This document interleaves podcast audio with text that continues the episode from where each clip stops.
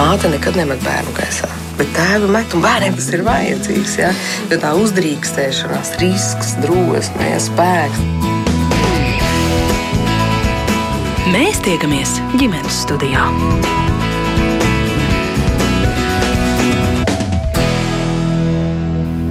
Labdien, priecājos sveicināt jūs visus radījuma ģimenes studijas klausītājus. Mans vārds ir Agnēs Linka, šī radījuma producente ir Ilza Zvaigzne.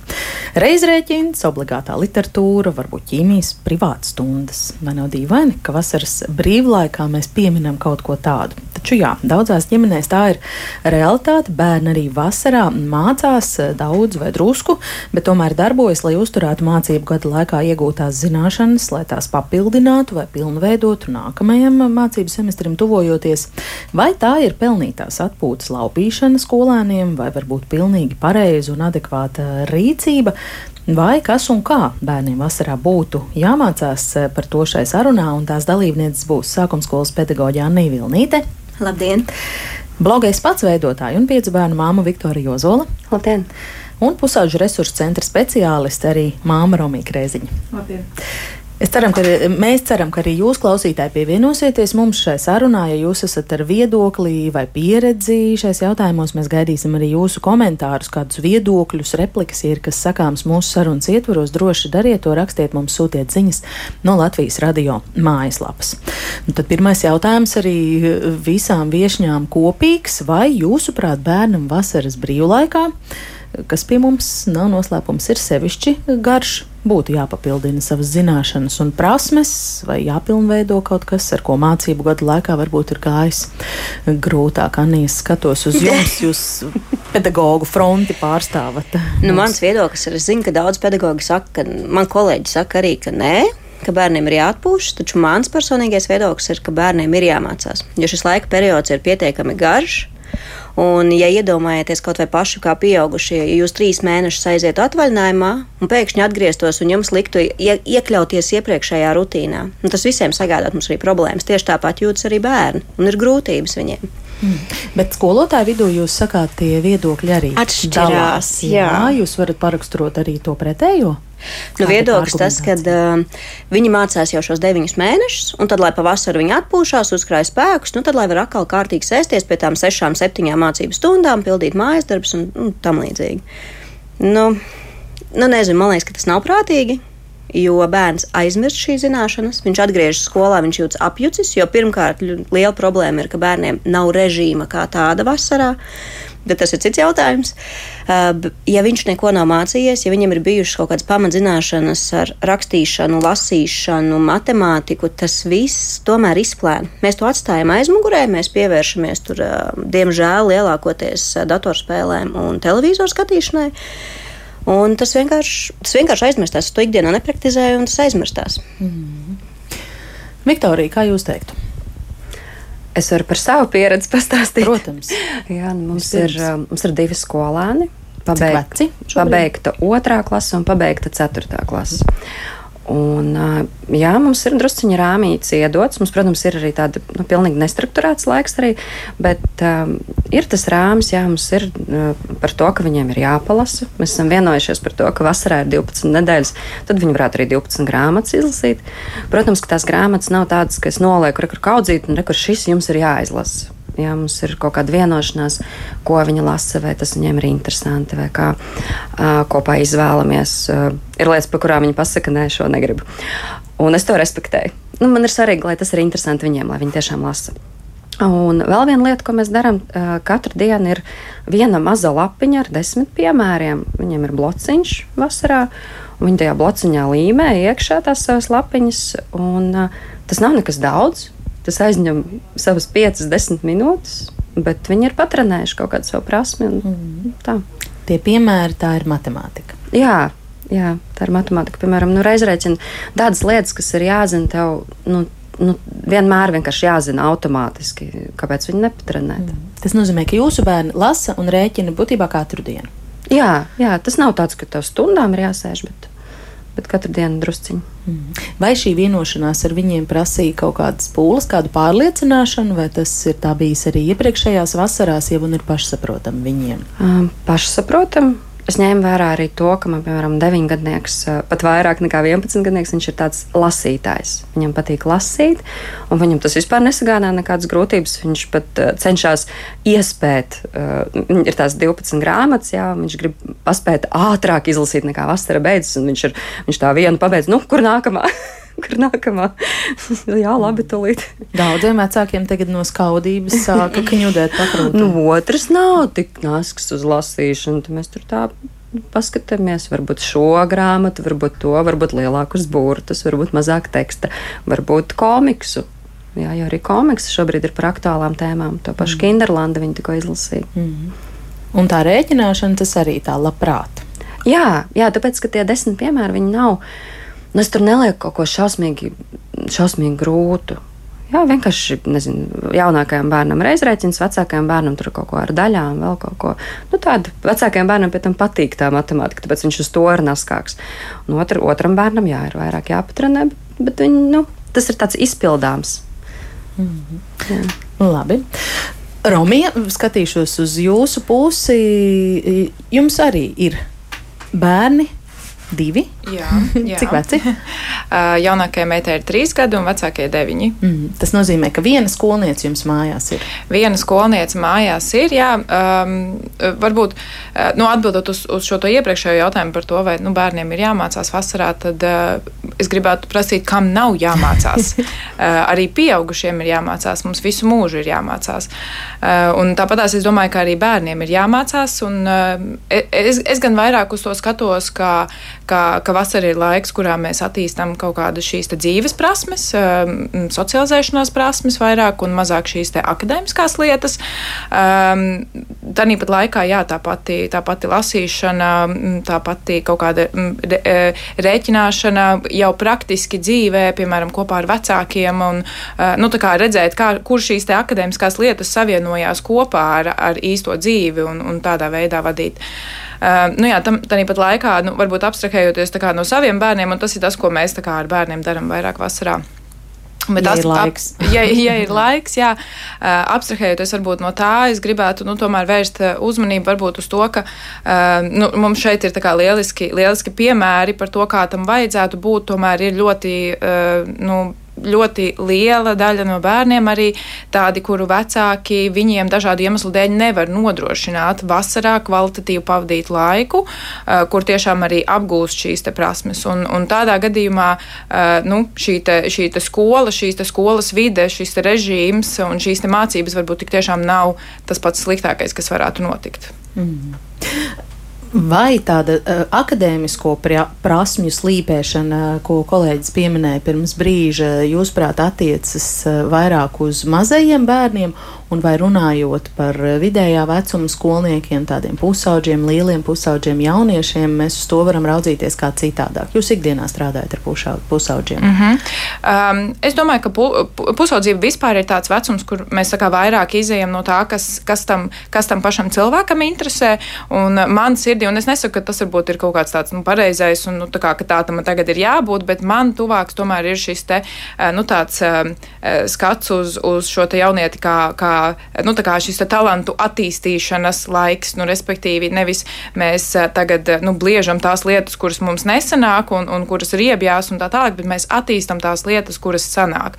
Jo, jo tas visticamāk būs tas, kas pavadīs to cilvēku arī tālāk, attiecīgi, gan karjeras dzīvē, gan, gan visā pārējā dzīvē.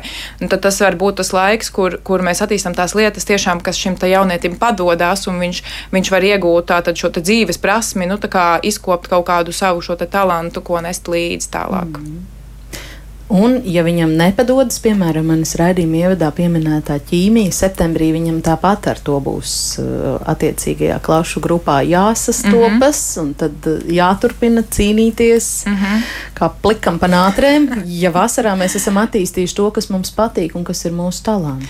Um, jā, es piekrītu, ka plika pa nātrēm. Uh, es esmu arī pati, uh, nu, savai vecākajai meitai, viņai, um, viņa ir vasarā gājusi pie speciālā pedagoga un, un, un mācījusies un, un trenējusies šeit skolai, nu, gatavojusies tā teikt varbūt iespējams es eju nedaudz pretrunā tam, ko es stāstu, bet nu, jā, tajā laikā viņai bija šie septiņi gadi, un iespējams tas ir nedaudz arī cits vecuma posms. Bet man liekas, ka ir arī svarīgi prasīt šim pašam jaunietim, kas tad ir tas, ko tu vēlētos. Nu, tā kā rekur es to piedāvāju, ka tu varbūt vari kaut ko patrenēties vasaras laikā, kas ir tas, ko tu vēlies. Nu, kā kaut kādas stundas vai privāts skolotājs vai, vai kaut kas tam līdzīgs tev būs ir viena, viena opcija, kur tu vari izvēlēties, tu vari gatavoties skolai, lai tev būtu mācību gadā vieglāk, un otra izvēle ir, ka tu vari mācīties kaut ko, kas tev patiešām sanāk, kas tev patīk un, un ko tu gribi attīstīt kā jau kaut kādā nākamajā līmenī. Mm. Un, nu, patiesībā jau, ja mēs tā domājam par tādu mācīšanos, tad īstenībā jau abi divi, abas divas šīs lietas būs vienlīdz izaicinošas, un nebūs tā, ka uh, mācīties kaut ko patīkamu ir patiesībā baigi viegli. Nu, uh, tas tāpatās, uh, nu, tāds labs skolotājs tev vienmēr izaicinās, un tas tāpatās būs iespējams pat vēl grūtāk nekā apgūt to ķīmiju, kurai jau kaut kādus pamatus tu zini. Mm. Un, ja mēs piedāvājam izvēli, tad tā izvēle ir arī jārespektē. Tad, tas Pilnīgi, jā, piedāvāt izvēli, un tad viņi nerespektē, tas, tas droši vien nebūs tāds labais stils. Vai klausoties kolēģei, ir kaut kas jau piebilstams, varbūt par nedaudz lielākiem bērniem domājot? Man šķiet, ka tāpēc ir tik svarīgi šajā vecuma posmā, tas ir mazo bērnu vecuma posmā. Um, likt, eh, likt viņam pašam saprast, kāpēc man tas ir vajadzīgs. Jo tomēr tie pusauģi viņi jau ir nu, kā mazi pieauguši cilvēki. Un uh, viņos izpaužas tas, uz kādām vērtībām, ko viņš ir sapratis, ah, tas man ir noderīgs vai tas man nav. Un, ja mēs tie, tieši par šo pašu mācīšanos, ja mēs tagad to darīsim ar piespiešanos, un nē, tev tas ir jādara obligāti, tad tajā pusauģu vecumā nu, viņu, man vismaz tāda pieredze novērot, ka tu viņu nepiespiedīsi. Viņam mācības riepsies, lasīt viņam riepsies, un tā piespiešana tāpat neko labu nedos.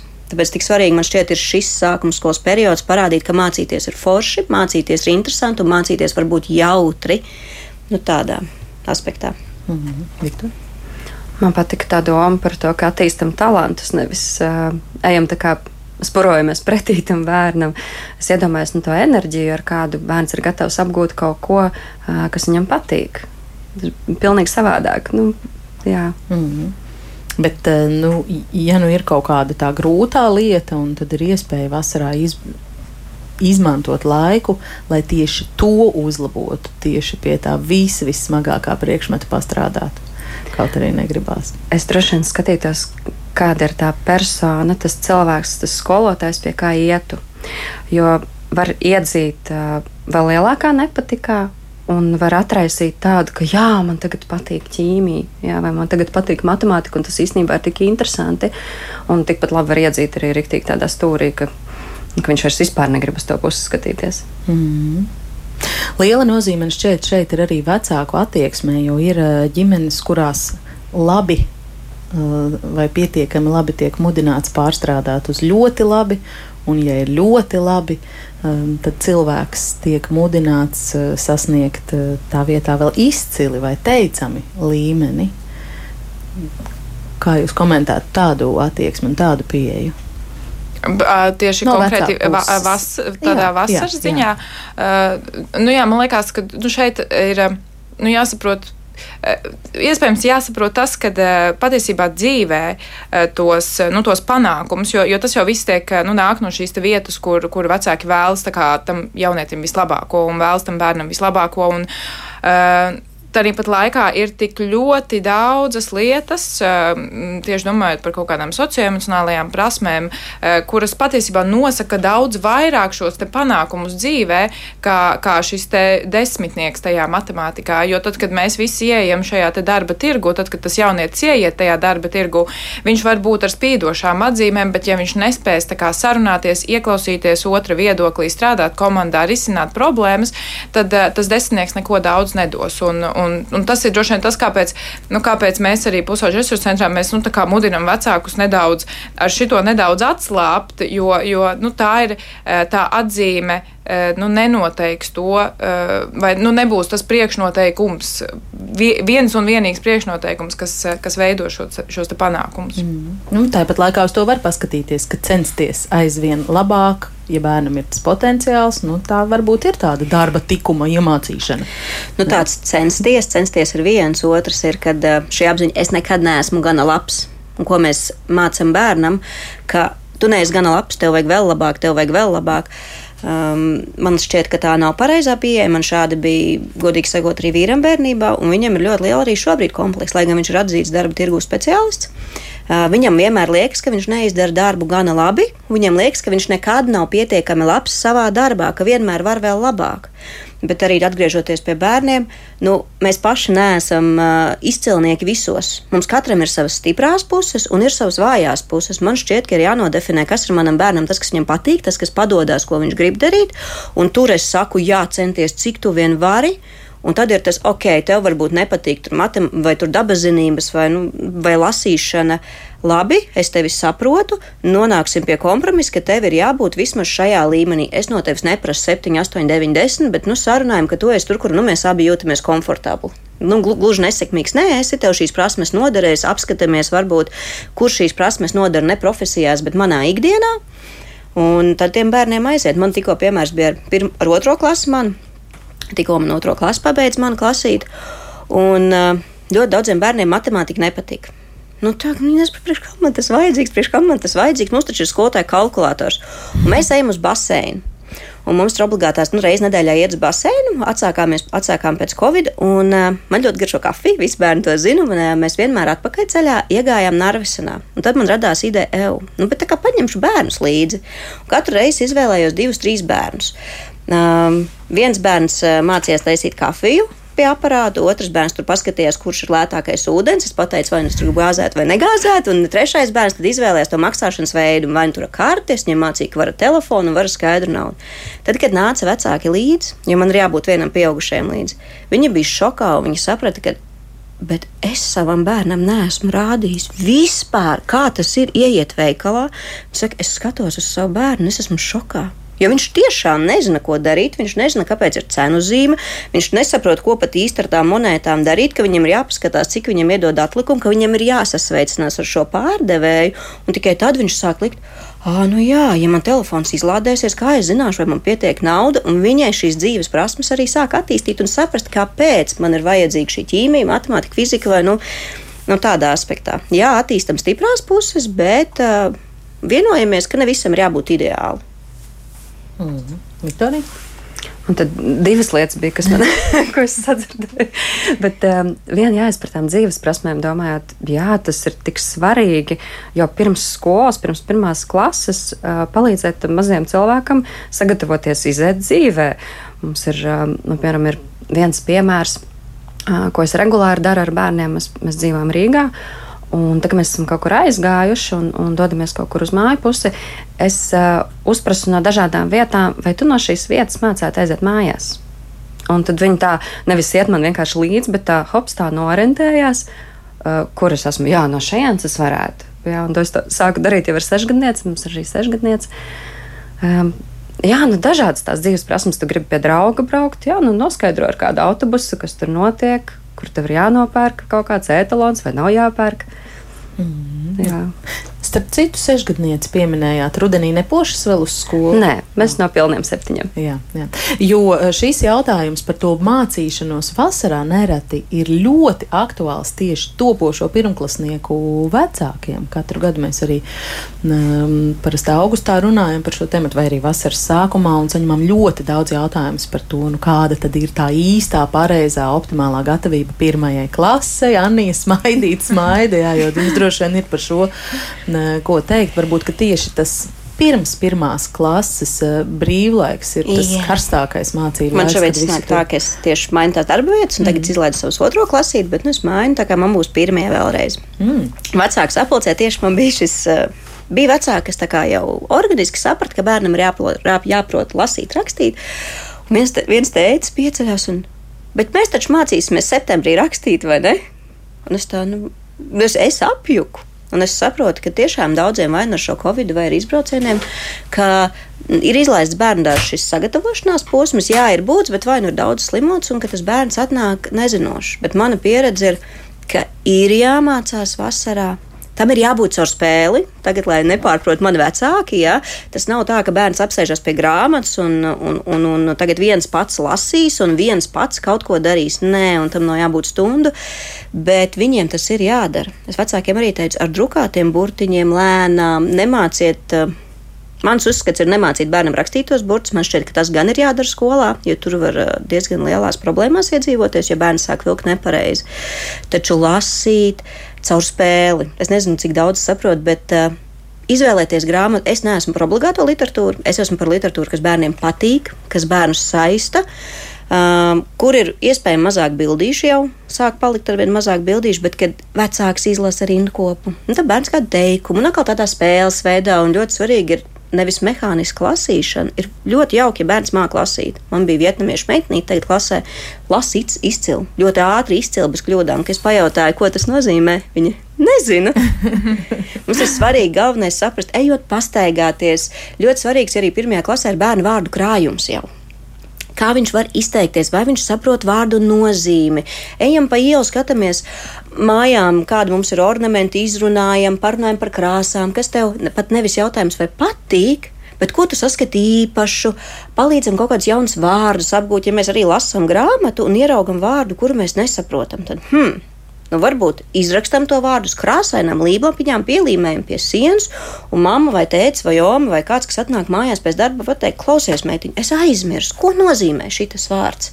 Nu, tur čaboši, čaukstoši, jo šādus vārdus neizmanto multinēs.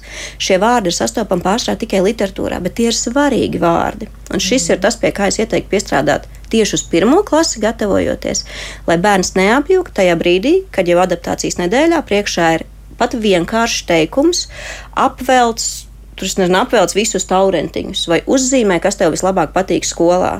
Un bērns apjūg, jo viņš šos vārdus nesaprot. Lai viņš lasa lēnām, bet lai viņš to dara ar interesi, un pats galvenais, lai viņš saprot, ko viņš izlasa. Mm. Tā kā šis man liekas, ir svarīgi. Mm. Romi, jūs teicāt, ka jūsu ģimenē pieredze, ka laikam topošais pirmklasnieks, pirmklasniece gatavojās? Um, jā, tomēr man liekas, ka mūsu, nu, šeit mēs eh, pieskaramies tam, kā mums būtu nu, iespējams kā, jā, jāstrādā ar bērniem tajā vasarā, bet tas, protams, ir neatraut arī no tā, kāda mums ir nu, izglītības sistēma vispār kā tāda un kādas ir prasības izglītības sistēmai tajā mācību gadā. Uh, Um, un, uh, un tad, jā, un man visu laiku nu, ir šī te, nu, nelielā dilemma par to, nu, no vienas puses, uh, nu, vai nav tā, ka šī izglītības sistēma un tās, un tās prasības, kas tiek tajā prasītas, nu, patiesībā nedaudz pat spiež vecākus, uh, nu, tomēr turpināt šo izglītības procesu. Um, bet, nu, jā, mūsu gadījumā uh, ir, ir tas, ka, jā, mana, mana šī pirmklasniece vai deviņgadniece, nu, jau viņa, uh, viņa ir bērns ar, uh, nu, bērns ar speciālām vajadzībām vajadzībām, tad pat laikā viņi iet šobrīd vispār izglītojošajā skolā. Un viņa uz pirmo klasi aizgāja, viņa aizgāja uz pirmo klasi vēl nemākot lasīt, viņa, nu, kārtīgi lasīt, viņa aizgāja ar pāris pazīstamiem burtiem, un, nu, bija jau skaidrs, kā mums arī bija socializēšanās grupas, uh, uzsākot šo skolas laiku, un, uh, nu, mans šis te, nu, viedoklis, un mēs arī, mēs arī ejam privātu skolā, kur ir, nu, tur ir iespējams pavisam cita spēja spēja šo bērnu nu, atbalstīt un saturēt un palīdzēt un nodrošināt šo atbalstu komandu.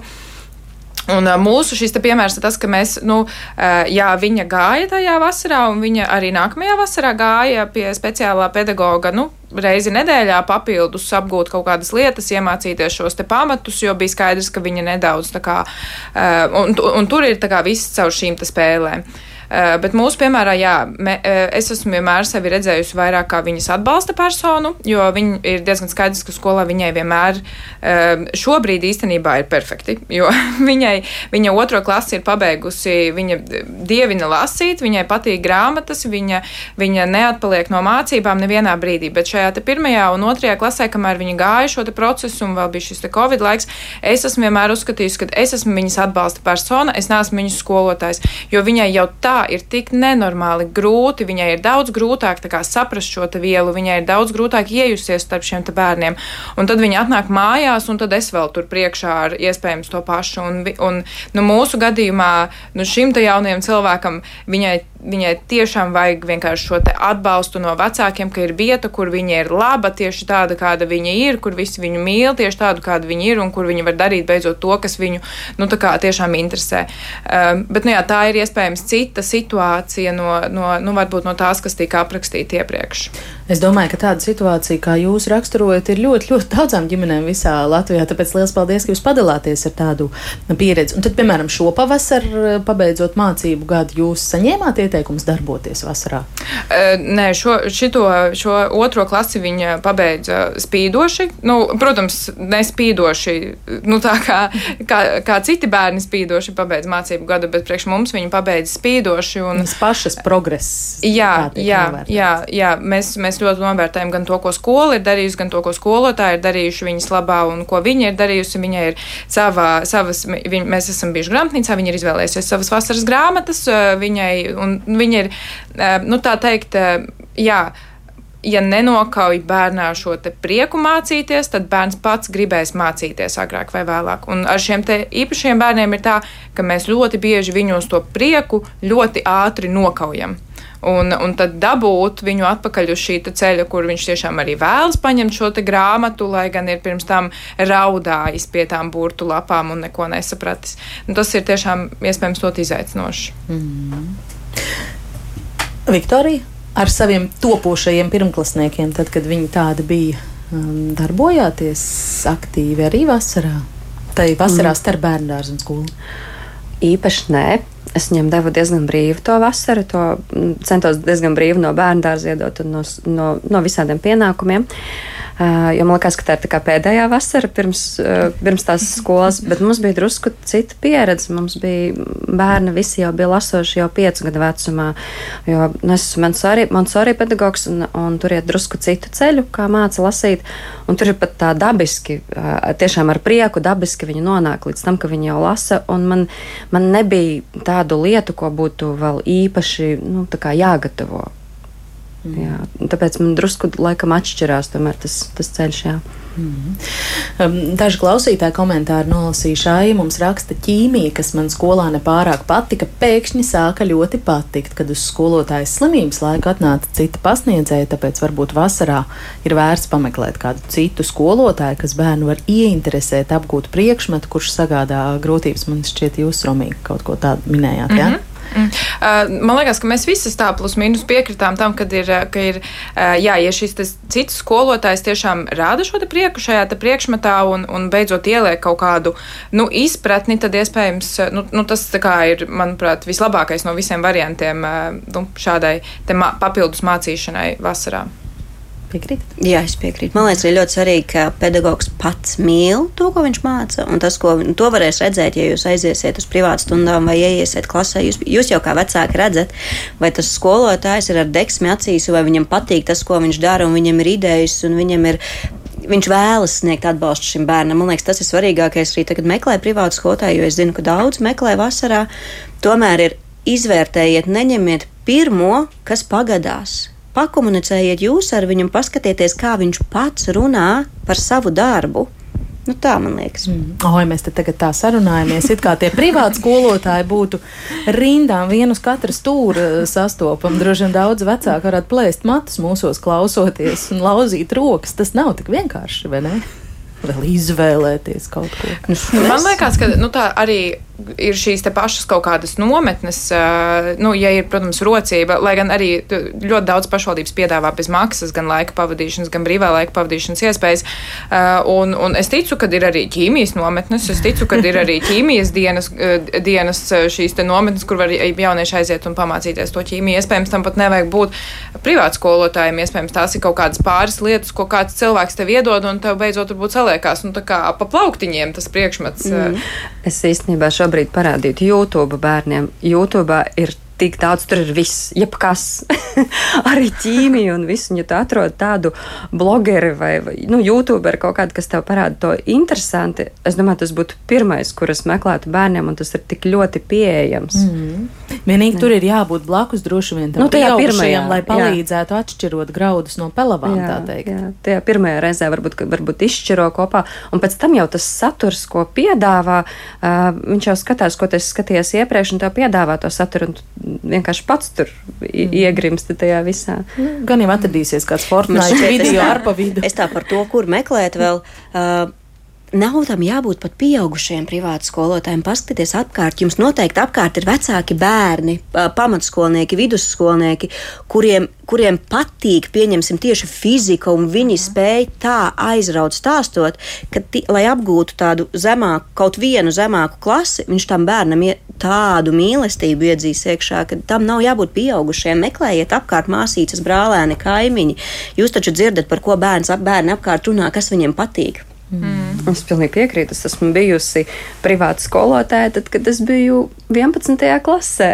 es mācīju kādam arī puisim vācu valodā palīdzēju. Es pati baigtu to vācu valodu. Nu, nav tā, ka man viņa ir nu, dzimtā vai kaut kāda, bet uh, man viņa tik ir labi padevās un es piekritu, jā, palīdzēt. Mm.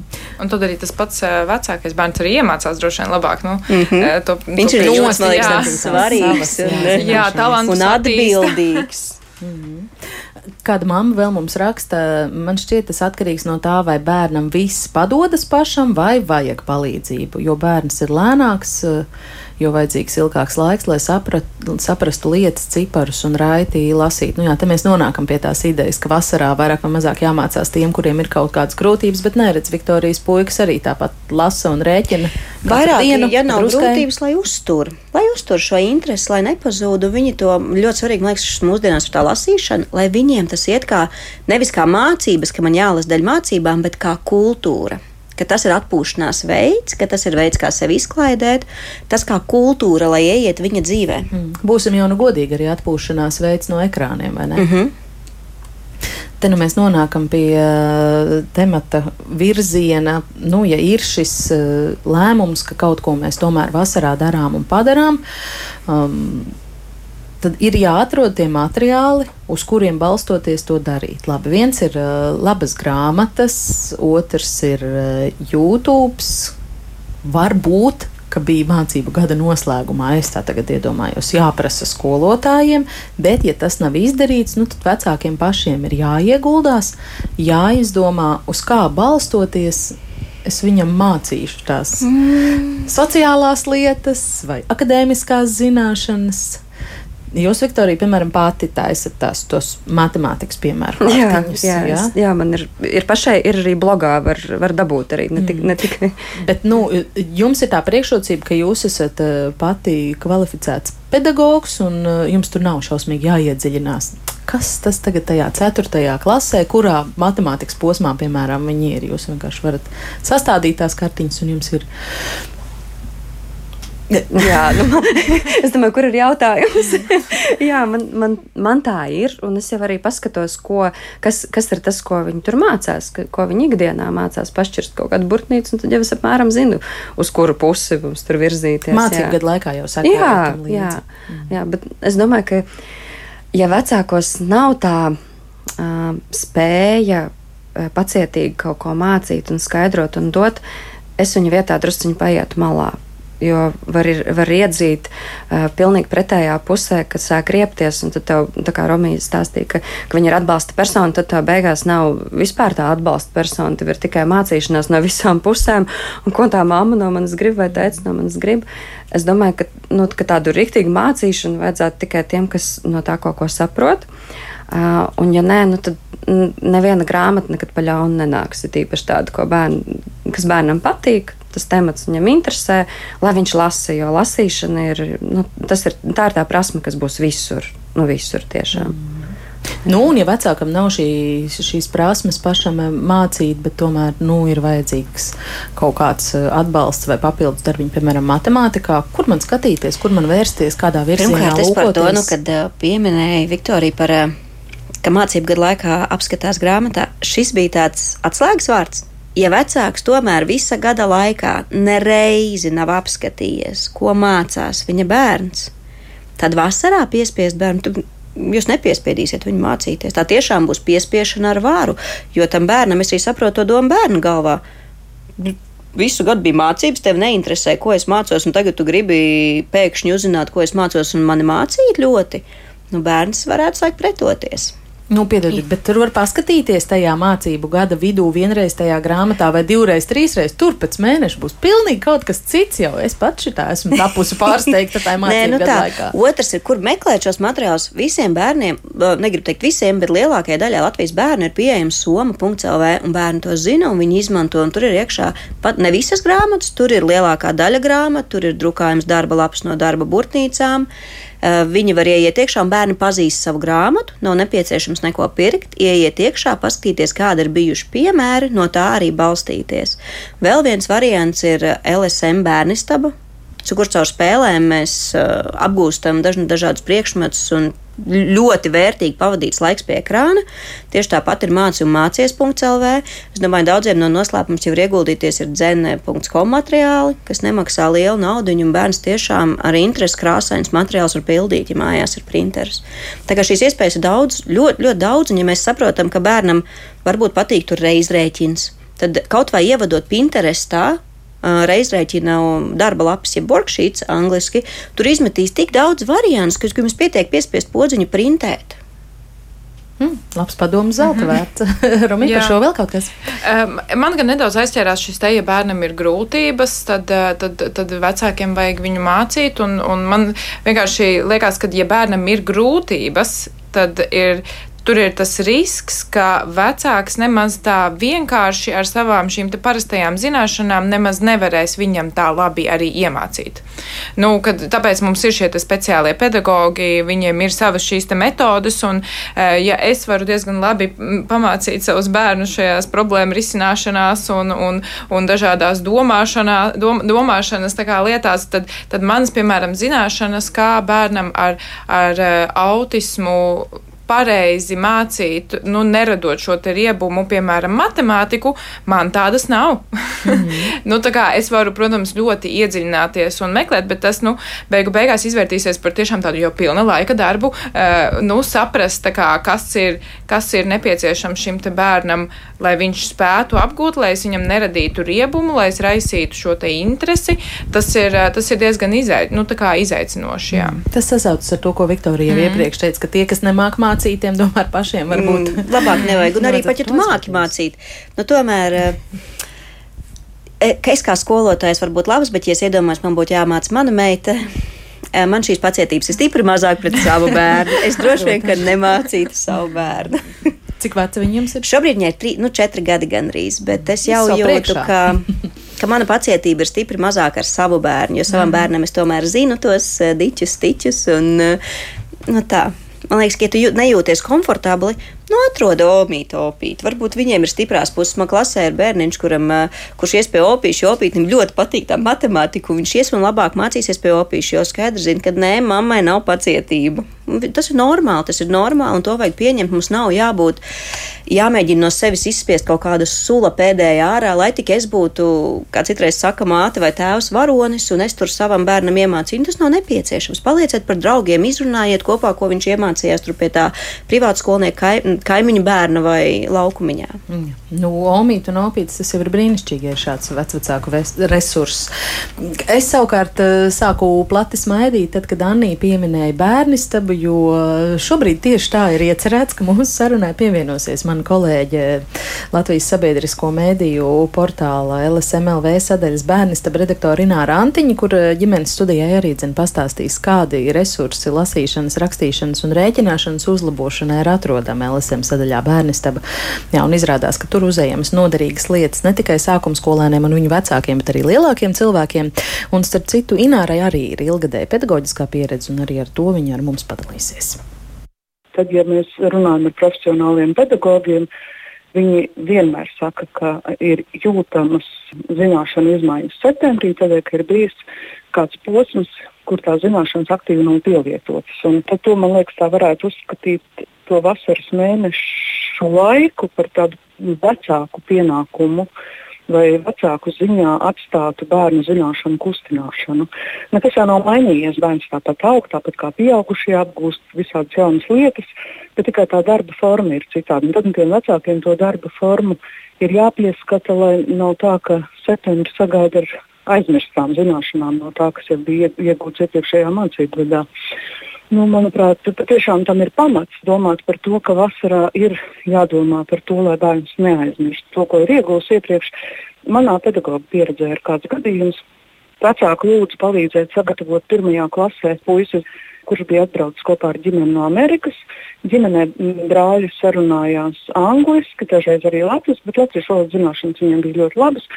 Burtus apmēram puisis zināja, bet lasīt neprata. Ar latviešu alfabētu viņš nebija iepazīstināts un nepazina tās latviešu mīkstinājumu garumzīmes. Lasīt mēs iemācījāmies sešu nodarbību laikā, mēnešu laikā puisis apguva tādu apzinātu lasīšanu. Par pārsteigumu manas vienu nodarbību viņš atnāca un noskaitīja man dzējoli, kuru pats bija izlasījis un pats bija iemācījies no galvas. Tātad viņš saprata to, ko viņš lasīja. Un tad nākamo zvanu es saņēmu no māmas septembrī. Viņa nezināja, ko darīt, bija diezgan izmisusi un teica, puisis nelasa. Protams, viņa vasaras mēnešos neviens tam nebija pievērsis uzmanību. Viņai bija citas rūpes sakarā ar pārcelšanos uz Latviju. Un, protams, puisis ir iemācījies vēlāk lasīt.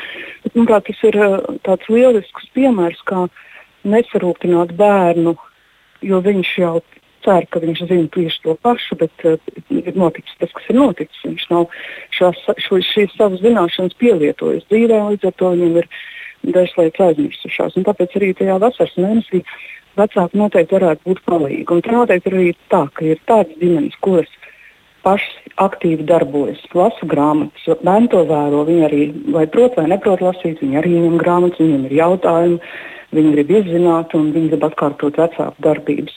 Vecāki kopā ar bērniem daudz kur brauc un iet un skatās un izzina un, un rosina bērnus domāt.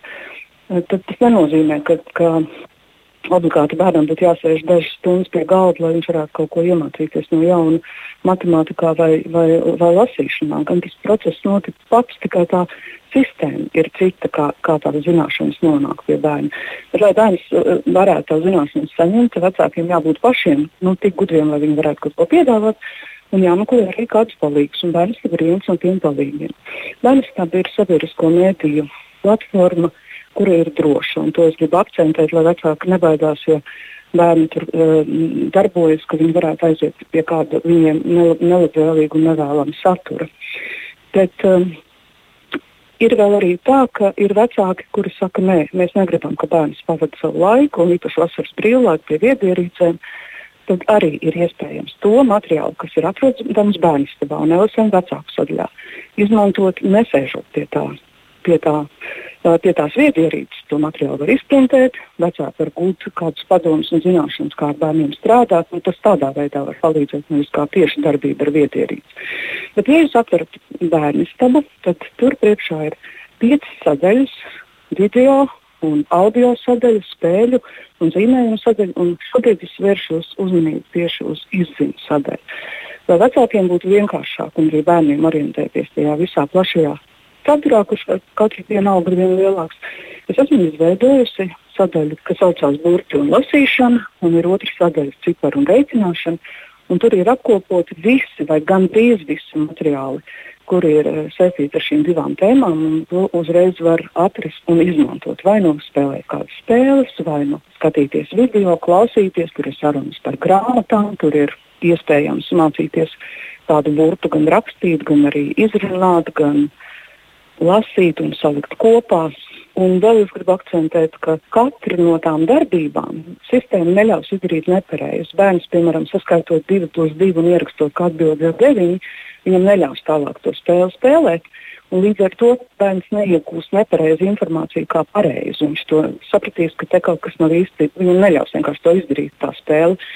Vai arī daudz spēles, kuras varbūt nav ietvertas šajā sadaļā, Tāpat ir, ir teksti rakstīti zem zīmējumiem, un bērns netieši darot kādu citu darbu, piemēram, pētot putnus, klausoties putnu balsi, viņš arī var izlasīt, ja viņš prot izlasīt, kā to putnu sauc, neprot, tad var savu palīgā vecāks, lai palīdz viņiem izlasīt. Un tādā veidā pamazām viņš tās burtu gudrības var atrast. Bet tur ir arī pietiekami daudz darba, ko darīt pieaugušiem, arī tiem cilvēku bērniem, kuri ir pabeiguši 1, 2, 3 klasi, vai, vai piemēram, pieaugušie var pārliecināties, viņi 30 apjomā prot dalīt, saskaitīt, reizināt, cik labas ir viņu zināšanas. Un vēl es gribētu ieteikt vecākiem pēc tā visa klāsta, kas tur ir. Varbūt vajag izdomāt tādu principu, kā jūs strādāsiet. Nu, piemēram, burbuļu sadaļā var atrast ābeci. Tajā ir visi alfabēta burti, un katram burtam ir veltīta zīmējuma. Tur ir elementārs rakstīt prasmes, bērns var apgūt. Tur viņš saprot, kā tos skaņi izrunā, kādos vārdos to var atrast.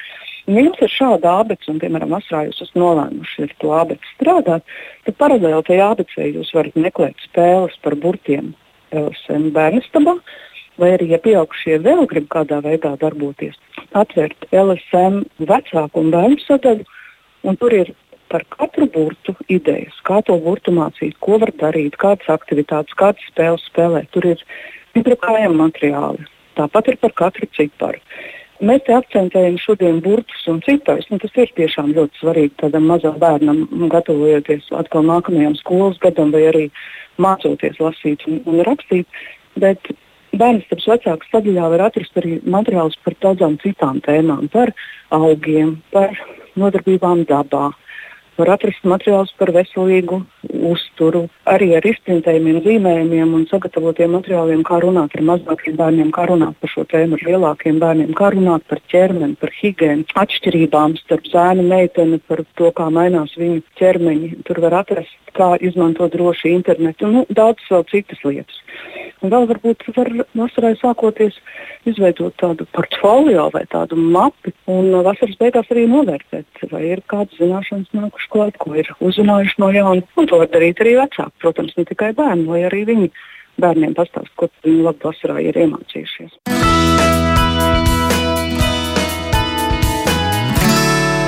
Tāda lūk padome no mūsu LSMLV kolēģis eh, redaktores, bērnasabas redaktors Ināras Antiņas. Eh, varbūt kas piebilstams vai iebilstams viņas teiktē. Atklājiet, par ko pie izslēgta mikrofona, jo sākāt Anī runāt. Šķiet, Izklausās jau skaisti un ļoti vērtīgi un forši, ja vecākiem ir šī iespēja atnākt no darba mājās salīdzinoši vēl labā laikā, jo sešos vakarā arī bērns vairs negrib mācīties, un tad nu, ķerties klāt spēlēm un, un, un vēl kaut kādām mm. izzinošām rotaļām, bet atzīsim, godīgi tā nav. Nu, tas arī nav iespējams. Es pat atnāku mājās sešos vakarā, man arī nav spēka savam bērnam, un tas ir normāli. Būtu forši, ja varētu atrast kaut 15 minūtes, un tam nav jābūt, ka tagad to man jānokrāso visi akmentiņi, vai, es, vai, vai, vai obligāti jāizdara šāda, šāda, šāda spēle, jāiemācās šis, šis, šis. Pietiek, ka jūs to bērnu parunājat ko viņš ir darījis, kā viņam ir gājis. Elementāras sarunas, elementāras darbības, māciet kopā griezt, taisiet salātus kopā, vakariņas taisiet kopā. Un arī tādā veidā tas bērns mācīsies. Pārjautājiet, vai šodien kaut ko izlasīja, vai tev izdevās tur kaut ko izlasīt, par ko, kādā krāsā bija tur, nezinu, tas mežs vai krāklis vai nu, nu, jebkas, kas tajā stāstā.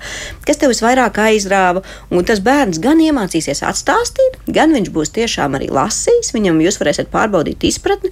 Taču tas nebūs tāda mācīšanās, ka jums jāsēž blakus un tagad vēl papildus enerģija jāvelta tam, lai tur īpaši kaut kā sagatavotos šai mācīšanai. Un bērns arī mācīsies taisīt ēst, kā Viktorija tikko, tikko arī teica. Bet tas ir svarīgi. Jā, pie izslēgta mikrofona es teicu, jā, nu, man jau arī nav laiks visu laiku būt tiem bērniem klāt. Un par, tas, par ko es priecājos, ka viņi iemācās pusdienas uztaisīt, jā, es viņiem tur atstāju kaut kādas tādas vieglākas receptes, ko viņi spēja uztaisīt. Bet man liekas, ka patiešām tā ir fantastiska prasme. Un es necenšos sagatavot kaut ko baigi iepriekš, ka tev rekur ir zupiņu uzvārīta. Nē, rekur stāv makaroni, rekur ir siers, ko tu vari sarīvēt, nu, rekur tomātiņas noskolo. Nu, tādā stilā mums tas ir. Vai tur picas pamatnes sapērk, mums ir tie tako pamatnes, un tad mums ir visas sastāvdaļas. Lūdzu, taisiet! Mm.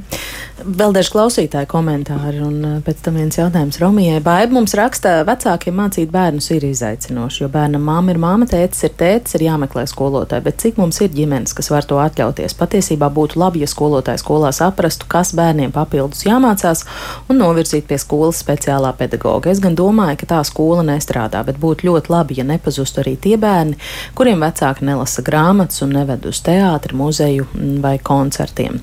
Vēl kāda mamma vārdā Rasa raksta, mums ir bērnam nodarbības vasarā, lai tiktu līdz pārējiem, un ir mājas darbi, bet, godīgi sakot, ir ļoti grūti nomotivēt bērnu šajā laikā pildīt darbiņus mājās un visu laiku pakausīt pašai ir jautājums par līdzsvaru, kas viņam tagad vairāk ir vajadzīgs - skriet pa lauku vai lasīt burtus.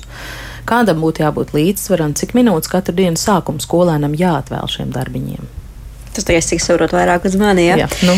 Pilnīgi pietiek, ja, šīs, ja tās ir 15 minūtes, pieņemsim, vien, bet tā ir jābūt vienošanais ar režīmu, kur ir katru dienu, jo sākuma skolas bērniem mana pieredze rāda, ka Viņam ir svarīgs režīms. Viņš zina, kas mani sagaida šodien, kas mani sagaidīs rīt. Viņš zina šos noteikumus. Pieņemsim. Tu zini, ka tev nu laika posmā līdz, nevajag konkrēti laika, bet līdz tur pusdienas laikam, līdz 12. tev ir 15 minūtītes. Tur, eh, es nezinu, jāpastāsta, atrodi brīdi, pienāc pie manis, pastāst tur par uh, mākoņu veidiem, vai tur, kas dabazinībās ir, vai par mežu, vai pastāsti, ko tu izlasīji. Respektīvi, nodefinēt, ka tas būs vai nu lasīšanas 15 minūtes, vai tās būs tur dabazinība 15 mm. minūtes, vai matemātikas 15 minūtes. Un pēc tam to pašu vakarā 15 minūtes, vairāk nevajag. Nenomokiet tos bērnus, nu, mans tāds viedoklis, nenomokiet tos bērnus un neiedziniet to riebumu pret mācīšanos. Pilnīgi pietiek 15 minūtes. Dienas pirmajā pusē, 15 minūtes vakarā pusē. Un Ines jautājums, nu es teikšu, jautājums par miljonu, varam veltīt vairākas ģimenes studijas. Kā piespiest motivēt 14 gadnieku vasarā lasīt? Viņš pasaka, es negribu un viss, es tak nevaru sēdēt viņam blakus, raksta Ines. Acīm redzot, mamma.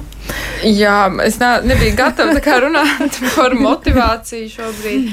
Um, nu jā, jā nu, nu, tas ir noteikti ļoti grūti. Ir, ir vērts varbūt saprast, kāpēc viņš negrib lasīt, kas ir, kas ir tie iemesli, kāpēc viņš nevēlas lasīt. Um, iespējams nu, tās pašas šīs kaut kādas, kaut kādas sarunas un tiešām mēģināt izprast šo jauniešu skatu punktu. Um, Nu, pusaudzība ir, jā, pusaudzība ir tāds vecums, kur viņam iespējams ne, viņš nevēlas lasīt, tāpēc, ka mamma ļoti vēlas lasīt, mm. lai viņš lasa. Tas arī ir. jā, akceptēsiet, ja es teikšu, ka šajā vecumā nu, vēl ir iespējama tirgošanās. Ja tu lasīsi, tad. Uh, nu, tirgošanās kaut kādos samērīgos daudzumos ir, nu, protams, viens no motivācijas, Var vai ne? Nu, tā tad vai no nu ar pātagu, vai no nu ar burkānu. Nu, tad tas būtu tas burkāns, vai ne? Tad šī, šī kaut kāda monetārā atlīdzība. Um, bet, nu, nu, jā, jau tā vienmēr jābūt naudai. Nu, tirgoties var visu sādām lietām. Ja ir kaut kas cits, ko, piedāvāt bez naudas, tad tas arī ir, kas, kas to šo te jautājumu interesē. Uh, bet, nu jā, pusaudzība tomēr ir tas vecums, kur viņi, viņiem vairāk interesē šie draugi un laika pavadīšana ar draugiem un mazāk tiešām sēdēšana mājās un, un lasīšana.